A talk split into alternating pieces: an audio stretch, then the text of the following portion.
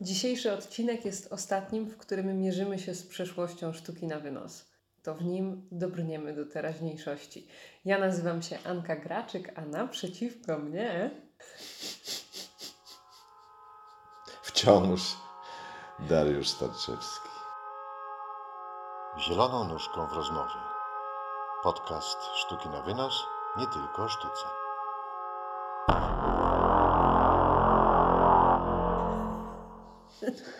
Tak, jak przychodzi do tego momentu naprzeciwko mnie, to jakoś tak śmiać mi się chce, że to ciągle ja.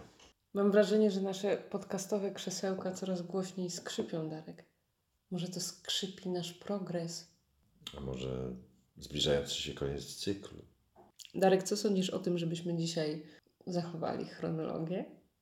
No, możemy podjąć taką próbę, chociaż nie wiem, czy to się uda. Dla mnie ten cały rok, ostatni do, do tych nieodbytych urodzin, to jest jakaś jedna wielka, niekończąca się próba do Jestem obok. To, to jest 12 miniatur, do których te próby się rozrosły bardzo mocno, te miniatury się rozrosły. I w zasadzie powinniśmy skreślić słowo miniatury.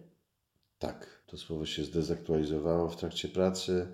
To się okazało znowu bardzo dużą produkcją, właściwie ogromnym spektaklem, spektaklem gigantem.